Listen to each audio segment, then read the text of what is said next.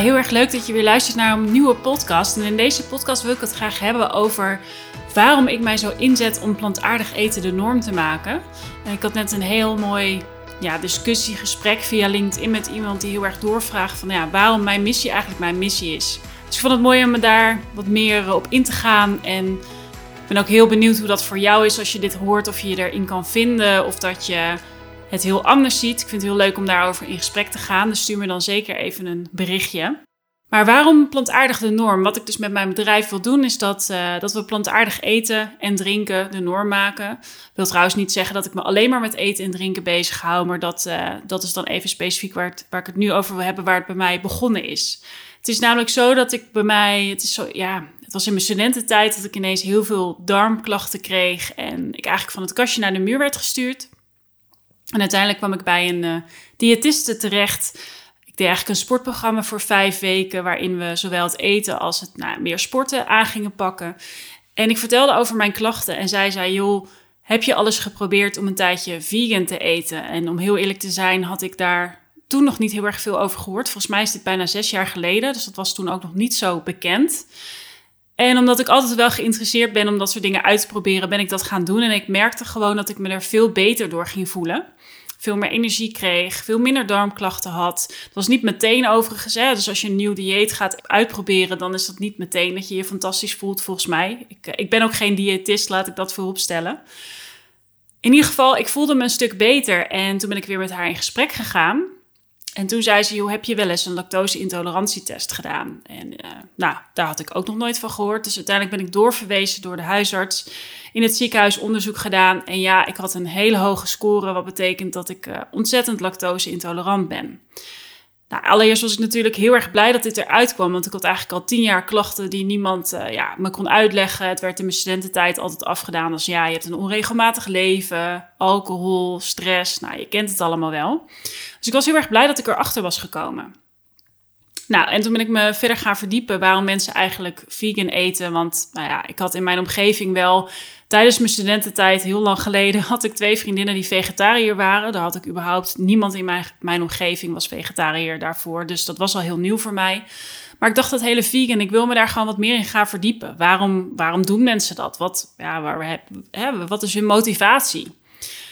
Uh, ik, ja, ik ben toen uh, Cowspiracy gaan kijken. Dat is een documentaire. Volgens mij staat die ook op Netflix. Uh, het is wel heel Amerikaans, dat moet ik er wel bij zeggen. Maar ik vond het heel erg interessant. En daarin kwamen een aantal dingen naar voren waar ik heel erg van schrok. Waar ik erg verdrietig van werd. Waar ik gefrustreerd van werd. En vooral dat ik dacht... Oké, eigenlijk mijn hele leven voor mijn gevoel dan... Hè, krijgen we allemaal campagnes dat je vooral niet lang mag douchen... Um, maar als ik dan een hamburger eet, nou ja, de statistieken zijn nogal verschillend waar je dan vervolgens woont. In Nederland uh, zijn we allemaal iets efficiënter gemiddeld. Maar het ene onderzoek zegt, geloof ik, dat je er een maand van kan douchen. Het andere onderzoek zeven weken. Nou, al is het een maand, is het natuurlijk ontzettend lang. Eén hamburger. Maar ook gewoon wat voor dierenleed erachter zit. En natuurlijk was dat niet helemaal nieuw voor me. Ik bedoel, ik lees ook wel eens een krant, hè. Dus, en ik had natuurlijk ook vriendinnen dus die vegetariër waren. Maar ik schrok er wel ontzettend van wat er allemaal achter zat. En eigenlijk meteen na het kijken, ik, kan, ik kon de appjes nog terugvinden. Meteen na het kijken van die documentaire besloot ik, nou, vlees en vis, dat komt er bij mij echt niet meer in. Ik moet wel heel eerlijk zeggen, ik ben niet 100% uh, veganist. Ik heb hier ook, um, volgens mij was het mijn podcast nummer 4, als ik het goed zeg. Uh, die gaat ook over mijn dieet, waarin ik aangeef um, ja, waarom ik zo eet zoals ik eet. En dat ik daar soms ook wel gevoelens bij heb dat ik mensen teleurstel dat ik niet helemaal vegan eet. Um, maar ja, it is what it is. Anyway, ik heb een hele tijd vegan gegeten. Maar ik hou ook ontzettend veel van reizen. En dan heb ik het niet over uh, even naar Spanje. Uh, maar ook echt verre reizen. Waar nou ja, we, maandenlang in de middle of nowhere hebben gereisd. En daar helemaal vegan eten. Dat, uh, dat was voor mij geen optie. En ik merk dat ik voor mij nu de balans heb gevonden in dat ik thuis eigenlijk altijd plantaardig eet. Dus uh, geen dierlijke producten. En als ik uit eten ga of uh, op reis ga of bij vrienden eet, dat ik dan vegetariër ben. Dus als ik bij vrienden eet of uit eten ga, dan ben ik vegetariër. Dus vlees en vis eet ik helemaal niet. En uh, ik heb dus altijd pilletjes bij me, lactasepillen ter compensatie. Want uh, ook al ga ik uit eten en staat er iets op de kaart dat het vegan is, ik vertrouw dat dan gewoon niet helemaal. Want het zit soms echt in de kleinste dingen. Dus ik neem dan altijd wel een pilletje voor de zekerheid, omdat ik anders dagen later enorme klachten krijg. Dus ja, zo is het in ieder geval bij mij begonnen. Dus um, ja, die passie voor dat eten en me daarin verdiepen. Want ik werk ook al mijn hele werkende leven in de voedingsindustrie. Uh, ik werkte op dat moment bij een kaasbedrijf. Dus ik was eh, producten aan het verkopen die me eigenlijk ziek maakten. Um, ja, dus toen ben ik me daar eigenlijk in gaan verdiepen door Cowspiracy dus. En dat ik dacht, oké, er zit veel meer achter. Nou, uiteindelijk um, hè, ben ik voor mezelf begonnen. Um, dat wilde ik graag doen. Ik ben op wereldreis geweest en ik kwam terug en ik dacht, ik begin voor mezelf.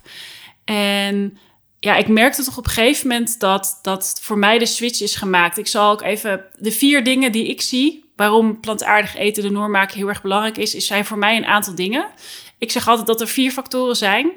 En de volgorde van mij, en het is natuurlijk geen wedstrijd, maar ik denk dat voor iedereen, ook als jij dit luistert dat, en jij eet bijvoorbeeld vegetarisch of hebt een ander dieet, dat je dat dat je altijd een hoofdreden hebt. Althans, ik, geloof, ik hoor dat heel erg om me heen. Dus voor mij is de hoofdreden op dit moment klimaat. De tweede reden is eigenlijk de voedsel- en watervoorziening in de wereld. Uh, de derde is gezondheid. En de vierde is voor mij dierenwelzijn. Dat is mijn persoonlijke motivatie. Ik wil niet zeggen dat ik vind dat dit het is, hè, maar dat is wat mij persoonlijk motiveert. Ik merk gewoon voor mezelf dat ik echt helemaal geen vlees eet. Dat ben ik gewoon heel eerlijk in. Is voor mij klimaat het allerbelangrijkste. En ook dat ik weet hoeveel water er voor nodig is. Ja, ik mis het dan ook gewoon helemaal niet. Uh, maar dat is dus wel anders geweest. Want het is ooit vanuit gezondheid begonnen. Ik sportte toen ook ontzettend veel. Ik uh, was onwijs. Ik had ook heel veel tijd om heel veel te koken. Maar voor mij is dat dus heel erg veranderd. En um, ja, is voor mij klimaat nu de hoofdreden. En ik werd dus wel getriggerd. Daar begon ik ook deze podcast over. Iemand die mij, nou, waar ik nu gesprek mee heb op, uh, op LinkedIn over mijn persoonlijke motivatie. En die vroeg mij ook van, joh, er was een bekend merk die. Uh, dat product blijkt niet vegetarisch te zijn. Zij gaan mij, als het goed is, de komende dagen bellen om hierover in gesprek te gaan. Want dat staat niet heel duidelijk op de verpakking. En zij stelde mij de vraag: ja, maar heeft dit nou heel veel zin? Heeft het nou heel veel zin om met zo'n bedrijf in gesprek te gaan? Want dat is toch niet de duurzame stap die er voor nodig is.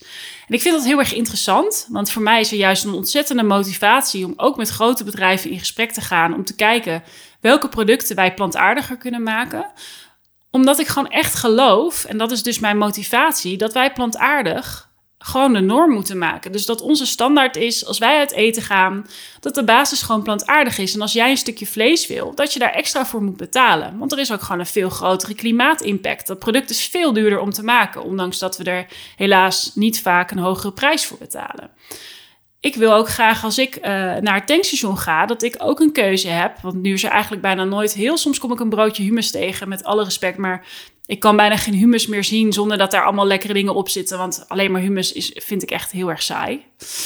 Dus als je nog uh, recepttips voor me hebt hoe ik dat wat uh, lekkerder kan maken, let me know. Maar in ieder geval bij een tankstation, ja, dan is het vaak een broodje kaas het enige wat ik dus kan kopen. En wat ik dus zeg, dan koop ik dat dus wel. Want ja, ik, ik ben ook een gemaksmens, ben ik gewoon heel eerlijk in. Dus dat is ook mijn motivatie. Eigenlijk zie ik hem ook wel egocentrisch. Dat ik zeg, ja, ik wil gewoon overal ook een keuze hebben. En dat ik niet een pilletje hoef in te nemen. Want daar heb ik eigenlijk ook natuurlijk helemaal geen zin in. Um, maar ja, die, die, die vrouw, die, ik merkte gewoon dat ze me wel triggerde van, heeft dat dan wel zin? En dan denk ik, ja, het heeft ontzettend veel zin. Want als een heel groot bedrijf een product heel veel verkoopt, er wordt dus heel veel volume van gedaan en we kunnen daar dierlijke elementen uithalen, dan heeft dat ontzettend veel impact. En misschien voelt dat niet zo, maar moet je je voorstellen dat als 5% van een product dierlijk is en je kan dat eruit halen en er worden, gaan miljoenen van over de toonbank, dan heeft dat in volume meer impact dan een heel kleine start-up die alles is plantaardig, maar ja, het volume is nog niet zo groot. Al ligt dat natuurlijk genuanceerd, want ik ken fantastische bedrijven die in de start-up of de scale-up fase zitten, die juist een hele norm aan het veranderen zijn, die door wat zij aan het doen zijn, grotere bedrijven aan het denken zetten, die in hun communicatie ontzettend veel impact maken. Hè? Dus ik geloof juist dat je meerdere lagen nodig hebt om impact te maken. Dus voor mij is het echt die combinatie van ja, mijn intrinsieke motivatie uh, voor mezelf. Maar dus ook omdat ik al bijna twintig jaar in de voedingsindustrie werk, ja, heb ik ervoor gekozen om mij echt in te gaan zetten om plantaardig de norm te maken. ja, vaak wordt dan ook aan me gevraagd: oké, maar biologisch dan, of verspilling dan, of lokaal dan? Vind ik ook allemaal ontzettend belangrijk. Ik haal altijd de beslisboom van Babette Porcelein aan. Babette Porcelein heeft een boek geschreven uh, over um, ja, jouw persoonlijke impact eigenlijk. Je kan volgens mij ook op haar website jouw eigen impact uit laten rekenen. Dat vind ik echt een hele toffe tool. Dus dan beantwoord je allemaal vragen over waar je woont, hoe je eet. En dan kan je dus zien, oké, als ik uh, bepaalde stappen maak, dan heeft dat dus bepaalde impact. Nou, zij heeft dus een beslisboom gemaakt over uh, voeding. Nou, daar komt natuurlijk mijn passie om de hoek kijken. En de grootste stap die jij als, als individu kan zetten, is dat je meer plantaardig gaat eten en minder dierlijk. Dat is de allergrootste stap. En vervolgens komt, moet ik het goed zeggen, komt minder verspilling. Dan komt lokaal en in het seizoen. En dan komt biologisch pas. En uh, als ik dit ook in presentaties laat zien, dan krijg ik soms ook de vraag: ja, maar vind je biologisch dan niet belangrijk? Nou, dat is helemaal niet wat ik zeg. Bovendien, de meeste van de bedrijven waar ik me voor inzet, die zijn bezig met meer plantaardig of de producten zijn helemaal plantaardig, maar ze hebben ook een groot gedeelte biologisch of gebruiken ook reststromen of zijn heel druk bezig met duurzame verpakking.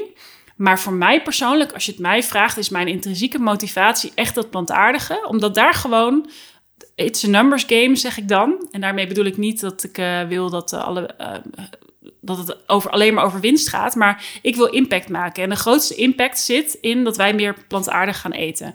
En uh, ja, dat, dat laat ik dan dus ook in presentaties zien. En laatst zat ik ook bij een presentatie, was er een biologische boer en die voelde zich uh, een beetje aangevallen. Die zei, ja, maar we zijn hartstikke goed bezig. En ik zeg, jullie zijn ook hartstikke goed bezig als je het hebt. Hè? Zeker als je, hebt een biologische groenteboer. Je hebt zelfs nu een bedrijf die um, uh, heet volgens mij No Shit Food, zijn ze aan het maken. Dus die hebben, gebruiken ook niet dierlijke mest. Ja, hartstikke tof. En, weet je, maar uiteindelijk geloof ik heel erg in je communicatie ook dat het echt heel krachtig is om een niche te kiezen. Daarom raad ik mijn klanten ook aan, aan als ze met mij uh, komen met 10 USP's, met 10 unique selling points. Ja, kies, kies er niet 10 wil niet zeggen dat je niet aan tien dingen voldoet, maar dat snapt gewoon niemand. Dus ik geloof gewoon, maak een keuze. En voor mij is dat dus dat we plantaardig de norm maken. En ja, dat, dat, dat is waar ik me elke dag voor inzet. En uh, waarin ik ook in netwerkclub zit. Dus ik zit nu bij een groep mensen die zich allemaal als adviseur inzetten om plantaardig eten meer de norm te maken.